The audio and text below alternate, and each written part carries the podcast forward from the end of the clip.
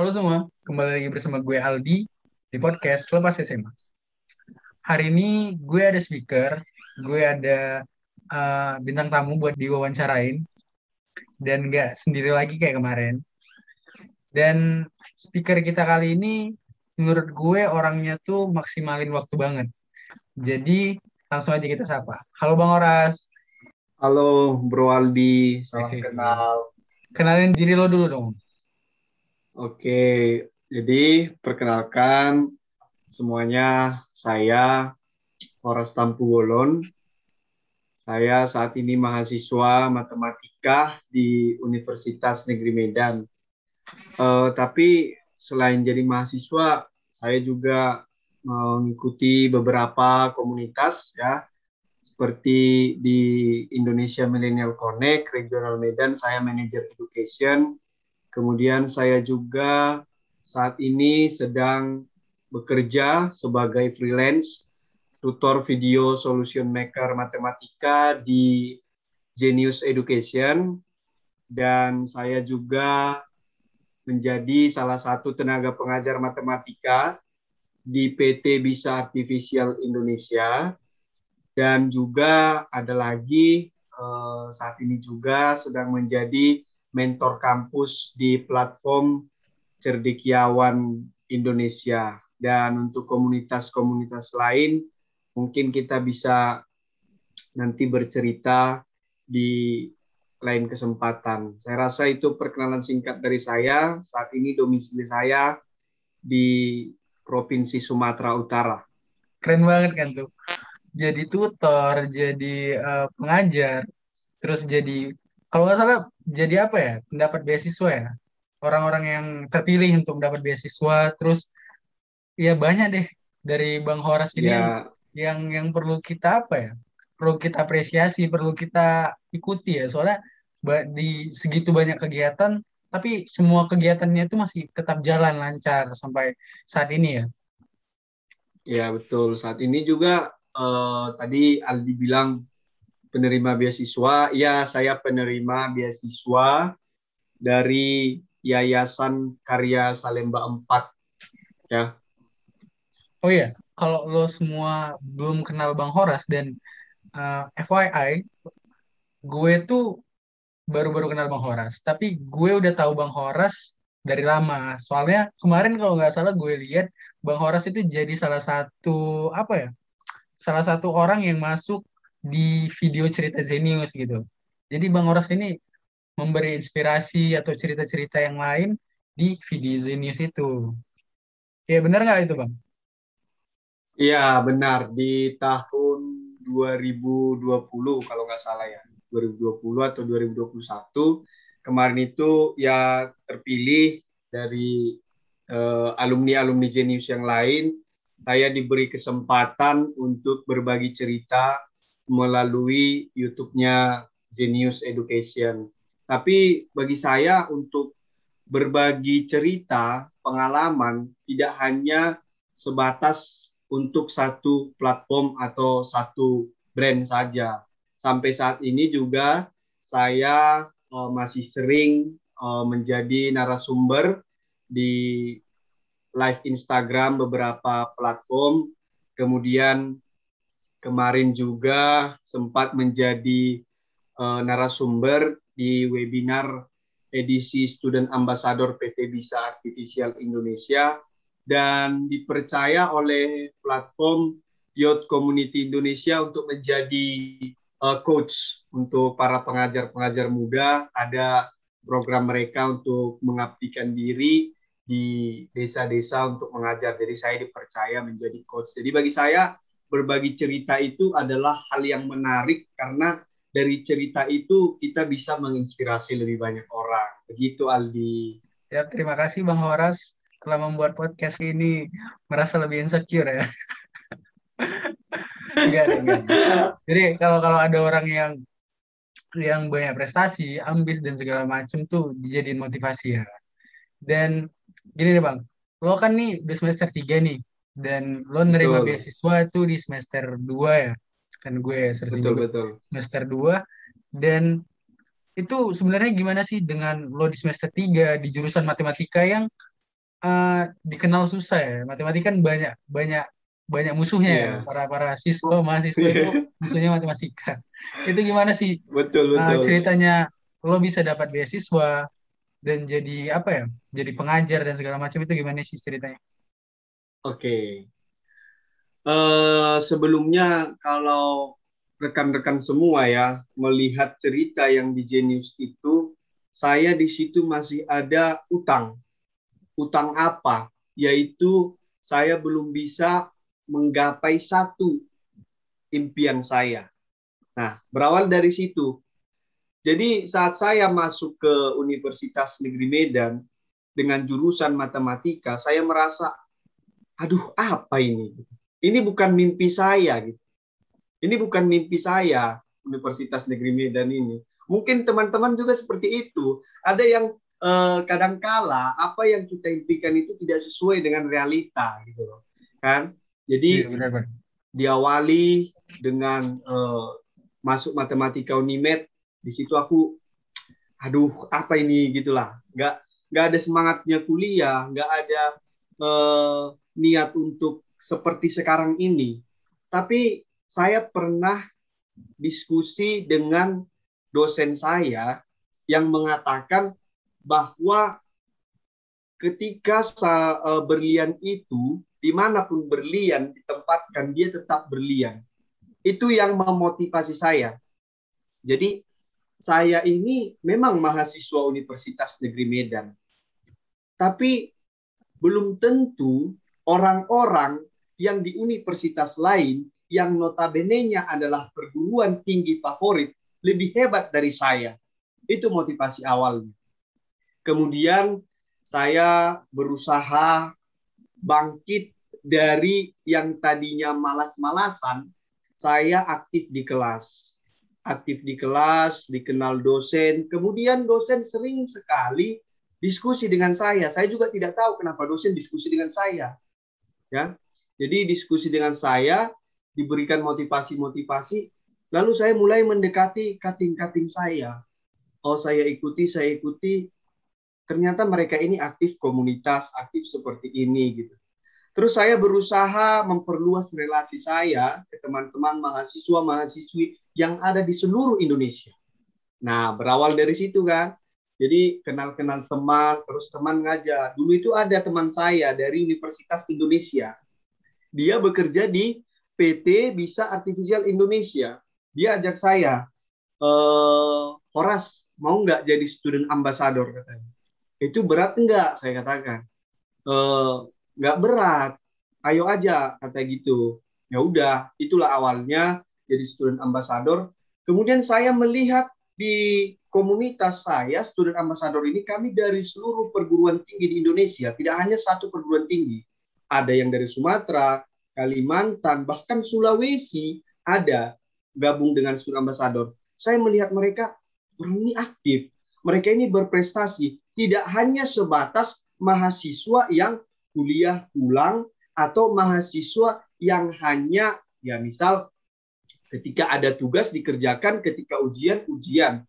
Tidak seperti itu. Mereka sudah berpikir saya akan eh, berprestasi melalui beasiswa, Bahkan ada teman saya yang dari Student Ambassador itu sedang membuat platform untuk uh, dia itu kayak mau mendirikan satu startup.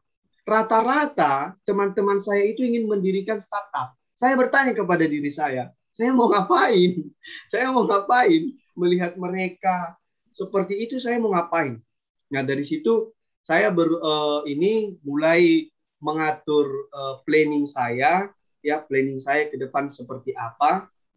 Kemudian saya ikuti, saya tulis, saya uh, akan ke pendaftar beasiswa. Kebetulan karena tadinya saya sudah kenal dengan uh, kating-kating saya, baik itu yang dari internal senat mahasiswa ataupun dari organisasi internal di kampus, saya menjadi mendapatkan informasi beasiswa. Lalu saya daftarkan beasiswa itu.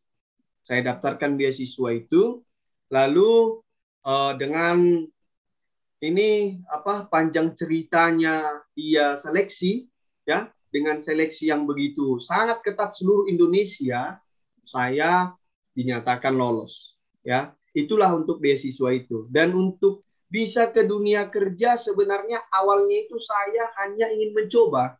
Seperti tadi saya katakan, teman saya sudah mau mendirikan startup. Saya ngapain? Apakah saya hanya diam melihat mereka memberikan aksi, melihat mereka uh, memberikan ide-ide gitu kan? Nah, lalu saya diskusi dengan teman saya ada dari Universitas Indonesia juga. Kalau bisa saya sebutkan namanya itu eh, teman saya ini dia ini sudah berpengalaman ya, namanya Gebri. Jadi saya eh, dengan Gebri ini sering diskusi tentang masalah dunia pertutoran ya, karena dia kan ada YouTube tuh kan, ya eh, apa buat buat video pembahasan soal segala macam motivasi gitu kan. Terus saya bertanya, eh kau kok bisa gitu bang? Saya bilang gitu. Kau kok bisa, uh, kau kok bisa gitu bang? Saya bilang. Nah, uh, bisa ras. Nanti gini-gini aja kata. Oke, tibalah perekrutan untuk menjadi freelance di Genius, Genius Education. Kami berdua daftar, kami berdua daftar dan uh, kabar baiknya kali dua-duanya lolos dengan dia. Dari situ saya mulai mengenal bagaimana itu dunia kerja yang harus jadi tutor, yang harus jadi uh, memberikan pengajaran-pengajaran dengan bahasa yang ya yang bisa dimengerti semua orang. Itu pengalaman pekerjaan saya yang pertama. Lalu di bulan itu kemarin itu saya keterima di Genius kalau saya tidak salah Januari 2021 itu the mata pelajaran matematika. Kemudian di, ta di tahun 2021 juga pada bulan April saya uh, apply lagi, saya mencoba lagi, ternyata lolos lagi menjadi tutor fisika di uh, PT Ardira Cendekia Indonesia. Jadi ada kerjasama dengan uh, platform kalau teman-teman tahu yaitu uh, Coloring ya. Di situ tiga bulan. Kemudian karena itu sudah selesai saya masih belum puas dengan apa yang saya lakukan. Karena teman-teman saya sudah mendirikan startup, sudah berpikiran ke depan kalau dia tamat kuliah, dia mau jadi direktur, dia mau jadi pebisnis, sudah seperti itu pikirannya. Lalu saya mengapply lagi eh, pekerjaan-pekerjaan uh, lain seperti tenaga pengajar matematika di PT Bisa Artificial Indonesia. Saya daftar, uh, dinyatakan lolos. Kemudian jadi mentor di mentor kampus ya untuk anak-anak SMA di Cerdekiawan Indonesia ya di situ juga lolos. Kemudian menurut saya ini belum belum ini belum sempurna, masih ada kurang. Kita boleh ya uh, punya pengalaman kerja, punya pengalaman organisasi. Pengalaman kerja saya sudah punya sejak awal 2021. Lalu pengalaman organisasi saya belum ada. Nah, inilah dasar saya mengikuti uh, komunitas seperti Indonesia Millennial Connect. Kebetulan saya keterima jadi manajer education di sana. Ya, saya bersyukur diberikan uh, mandat itu. Kemudian uh, saya juga lagi ikut-ikut komunitas, bahkan komunitas yang di luar jalur saya, yang di mana komunitas ini namanya bijak obat. Nah, jadi di bijak obat ini kita memberikan edukasi seputar dunia kesehatan. Sementara saya berlatar belakang dari matematika. Nah, di sini menurut saya ini, aduh, saya sudah uh, sepertinya melewati batas. Tapi tidak menutup kemungkinan ketika kita uh, ikut gitu ya, kita bisa saja ikut yang di luar dari uh, fokus ilmu kita, tapi kita harus bisa juga uh, ibaratnya menyesuaikan diri. Jadi saya memberanikan diri uh, apply ke komunitas bijak obat, kemudian saya keterima jadi copywriter di sana. Dan dari semua pengalaman-pengalaman ini, banyak platform-platform uh, online dari Instagram mengundang saya untuk berbagi cerita melalui live Instagram. Kemudian mengundang saya jadi uh, moderator, narasumber di webinar-webinar yang dilakukan oleh beberapa komunitas-komunitas. Dan mungkin itulah uh, jalan ceritanya kenapa saya uh, seperti sekarang ini ya itu semua karena relasi sebenarnya ya saya saya uh, nyatakan itu karena saya sudah merasakan saya saat ini ada di titik seperti sekarang itu karena relasi saya. Jadi teman-teman kalau kuliah itu ini dulu tentukan dulu relasimu. Relasi yang bisa menentukanmu untuk menjadi mahasiswa yang diper ini diperhitungkan. Jangan jadi mahasiswa yang dikesampingkan, tapi jadilah mahasiswa yang diperhitungkan. Jalan satu-satunya yang harus kau tempuh di awal adalah relasi dulu. Nanti dari situ kau akan termotivasi, kau akan dapat informasi sampai ya ya kau bisa lah dapat beasiswa, aktif di komunitas dan perlu kita ini ya, perlu kita garis bawahi teman-teman Meskipun saya aktif di banyak komunitas, pekerjaan saya banyak, kuliah jangan tinggal. Ya, kuliah kita jangan tinggal. Dalam hal ini IP, IPK kita itu jangan sampai di bawah uh, yang biasanya kan kalau kita melamar kerja kan minimal IP 3,0 ya. Nah, jangan sampai di bawah itu. Maksimalkan dulu IP-mu, tentukan relasimu, silahkan melangkah. Ya, silahkan melangkah, raihlah banyak prestasi di luar sana, ambil pengalaman sebanyak mungkin selama engkau menjadi mahasiswa. Nah, kira-kira seperti itu ceritanya, Lindo. Panjang kayak itu ya. Iya, ceritanya cukup panjang dari Bang Horas nih ya. Tapi ada beberapa poin penting yang gue tangkap. Yang pertama tuh jangan insecure. Jadi maksudnya jangan insecure ini maksudnya ketika lo nggak dapat PTN atau mimpi lo, dan lo ada di mimpi yang mungkin nggak pernah terpikirkan oleh diri lo itu lo jangan insecure lo jangan berpikiran kalau ah ini bukan mimpi gue gue nggak mau ngejalanin ini jangan sampai gitu. Dan yang kedua itu paksa diri lo. Paksa diri lo buat uh, bangkit paksa diri lo buat apa ya paksa diri lo buat jadi lebih baik lah dari yang kemarin-kemarin. Yang ketiga jadikan insecure jadi dorongan. Kayak cerita bang Horas tadi teman-temannya udah punya startup nih. Sedangkan bang Horas pada masa itu dia nggak punya apa-apa dia nggak ngapa-ngapain. Jadi dia uh, maksa dirinya buat buat berkembang ya. Seperti ikut ikut mencoba beasiswa ikut mencoba untuk uh, freelance atau segala macam ikut mencoba jadi tutor seperti yang tadi dibilang. Jadi rasa insecure itu bisa dijadikan sebuah dorongan seperti cerita Bang Horas. Yang keempat tuh haus akan ilmu dan pengalaman. Kayak cerita Bang Horas tadi juga kan. Habis uh, dapat pengalaman kerja di sini pindah ke ke tempat kerja yang lain. Dari tempat kerja ini pindah ke organisasi lain dan segala macam. Baru yang kelima ya, itu bangun relasi. Seperti yang kata Bang Horas itu relasi itu penting. Jadi di kuliah ini bukan hanya sekedar uh, nilai atau IPK ya, ya itu termasuk penting. Tapi jangan fokus ke IPK atau nilai-nilainya. Jadi fokus membangun relasi karena ujung-ujungnya itu setelah lulus ataupun dalam proses kita berkuliah relasi itu penting.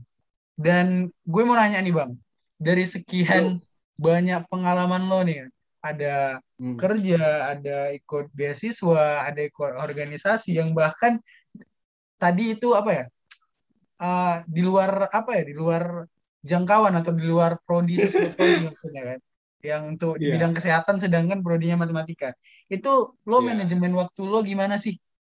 Oke okay, kalau masalah manajemen waktu sebenarnya kita semua itu punya waktu yang sama, hanya diberi 24 jam satu hari. Tapi teman-teman, dari banyaknya kegiatan yang saya ikuti, ada kalanya kita itu merasa jenuh. Ya. Ada kalanya kita merasa jenuh. Ada kalanya uh, ada yang harus kita tunda dulu. Itu pengantar untuk manajemen waktu. Jadi Anda tentukan dulu mana yang penting dan mana yang tidak penting. Hanya ada dua ya, tolong diingat, hanya ada dua, penting dan tidak penting. Selain dari itu nggak masuk hitungan. Jangan Anda katakan ada yang uh, penting banget atau mungkin uh, kurang penting atau penting standar, itu tidak ada. Jadi untuk memanajemen waktu, buat dulu kategori penting dan tidak penting. Ibaratnya saya ada misal lima komunitas, yang saya pentingkan terlebih dahulu apa? Misal saya pentingkan dulu dong kerjaan saya dan uh, beasiswa saya. Itu dulu. Nah, untuk manajemen waktunya, contoh, contoh ya, saya kuliah ini ibaratnya ada yang masuk uh, SKS 3 SKS ya dari jam 8 sampai jam 10.30 contoh ya kan. Kemudian nanti uh, 10.30 ke jam 1 itu saya ada kosong. Saya ada kosong. Kemudian nanti jam 1 jam 1 lanjut lagi mata kuliah. Ini salah satu pembagian waktu secara uh, dari jam ya. Kalau misal tadi saya sudah kuliah sampai 10.30, maka di 10.30 sampai jam 12 itu saya kerja. Kenapa? Itu yang saya utamakan. Karena saya kerja itu yang pertama dapat uh, ini dong, dapat apa namanya? Namanya kerja ya kan ada bayaran. Terus pengalamannya jelas dan gitu ya. Sudah terikat kontrak juga. Nah, itu maka tadi saya katakan yang penting dulu. Lalu uh, ya jam 12 ke jam 1 itu ya ibaratnya isoma lah ya apa uh, istirahat untuk perkuliahan selanjutnya. Kemudian kemudian di sore hari setelah perkuliahan ada beberapa lagi tanggung jawab saya, misal komunitas. Dari komunitas ini di mana saya sangat diperlukan? Di mana tanggung jawab tanggung jawab saya yang paling besar? Contoh, di komunitas A saya hanya sebagai anggota tapi di komunitas B, saya sebagai uh, manajer. Artinya yang memanajemen divisi tersebut. Tentu saya akan utamakan dulu manajemen ini.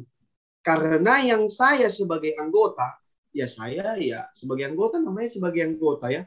Uh, apa kesepakatan bersama ikuti, kemudian tidak tidak pertanggungjawabannya nanti didiskusikan. Tapi ketika saya manajer saya yang handle ini semua. Divisi ini saya yang handle. Jadi untuk pembagian waktu seperti itu, manajemen waktu. Penting dan tidak penting. Selesai Anda kuliah, kita ini mahasiswa, Bung. Jangan sampai Anda uh, mementingkan dunia komunitas Anda, tapi kuliah Anda itu hancur, uh, berantakan. Nah, itu itu salah.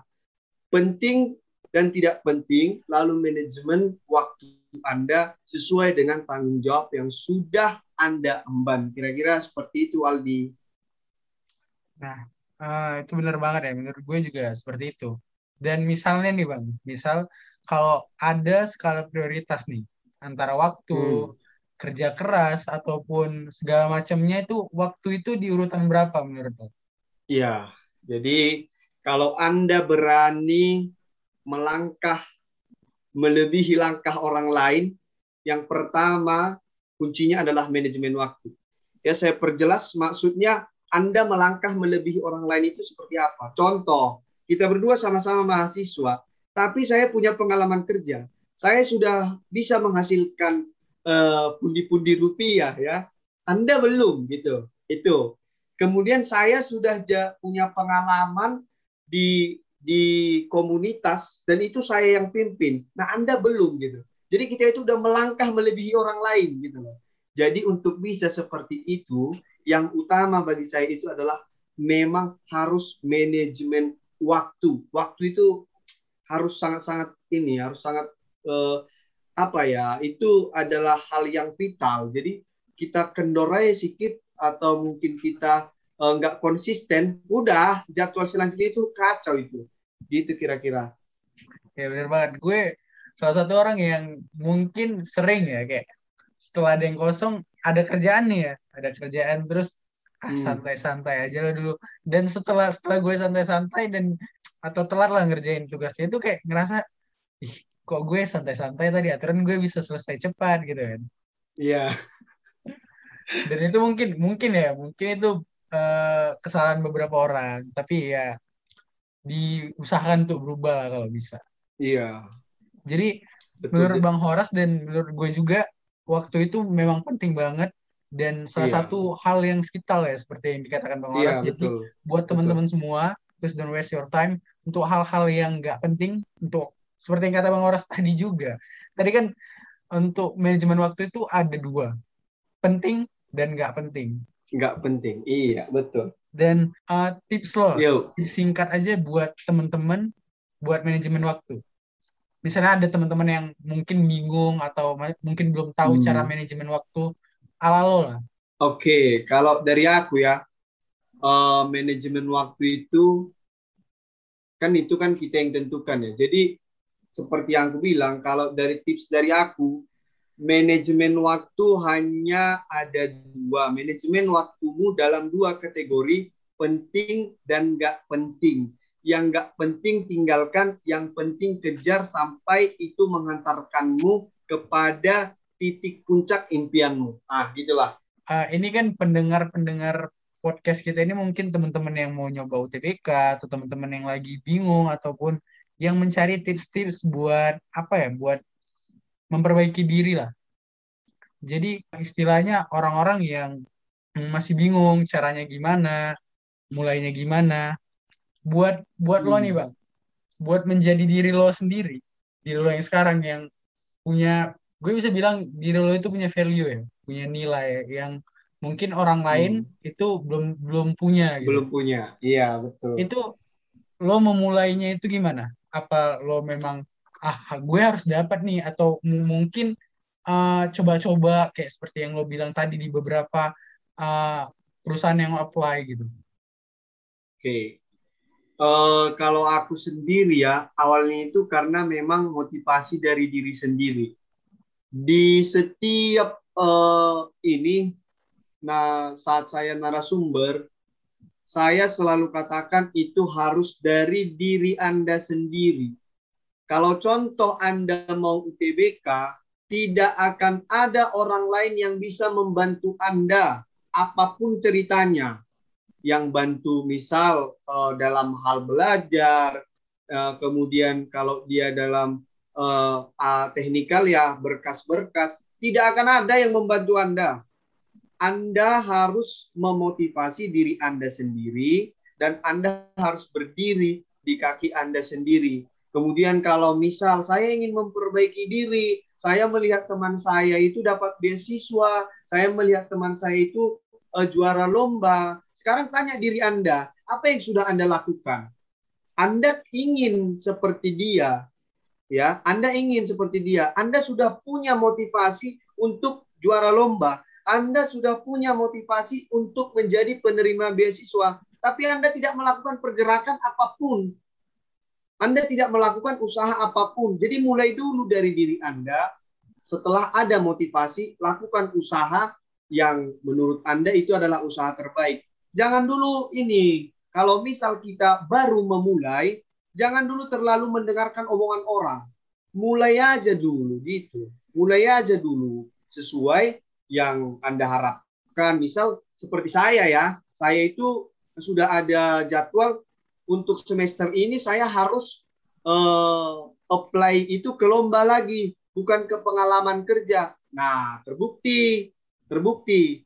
Kemarin saya ada juara dengan teman saya, rekan saya yang dari IPB, kami juara podcast. Nah, itu menurut saya adalah juara pertama gitu kan. Nah, itu saat saya melihat orang, weh, saya ini punya pengalaman kerja, saya punya pengalaman organisasi, saya uh, dapat beasiswa. Tapi saya belum ada juara lomba. Nah, saya ajak teman saya tadi kembali relasi. Relasi, ada lomba podcast, kita join, kolaborasi, juara. Tentu yang saya harapkan itu tercapai. Kenapa? Karena ada usaha. Jadi kalau sudah ada motivasi, lakukan usaha dari diri sendiri. Kalau ditanya usaha apa yang bisa saya lakukan, lakukan apa yang ada dalam hatimu dulu. Nanti kalau kau sudah misal selesai melakukan sesuatu, evaluasi. Kira-kira seperti itu, Aldi. Nah, gue juga orang yang percaya bahwa motivasi yang nyata itu berasal dari diri lo sendiri. Sehingga diri kalau sendiri, iya. lo lo menciptakan motivasi itu dari diri lo, lo berpeluang besar buat apa ya? Buat survive akan usaha-usaha lo, bahkan prosesnya itu yang lo nggak suka, yang berat buat lo ya kan. Dan hmm. uh, please buat semua yang lagi memulai, yang lagi berproses, jangan pernah dengerin kata orang lain, jangan pernah dengar cibiran orang lain, karena ketika kita uh, mendengar kata orang lain seperti judgement orang lain akan proses kita, itu bakal menghambat proses kita, memperlama kita mencapai uh, titik kesuksesan kita. Betul, betul. Uh, ini udah mungkin udah sampai di ujung podcastnya, Bang. Tapi Oke. Okay. Setelah sekian banyak cerita, sekian banyak uh, pesan yang lo uh, kasih ke kita semua, sekarang gue minta lo buat kasih dong uh, satu quotes buat kita semua. Aduh, kalau quotes ini agak-agak susah ini. uh, kalau dari aku, kalau dari aku sendiri ya, uh, mulai mulailah dari dirimu sendiri. Mulailah dari dirimu sendiri, motivasi, lakukan, dan menangkan. Udah itu aja. Wow, keren banget, keren. Itu salah satu quotes yang yang kalau kita uh, maknai itu itu adalah suatu proses untuk mencapai apa yang kita mau ya, mencapai betul, betul. Ya.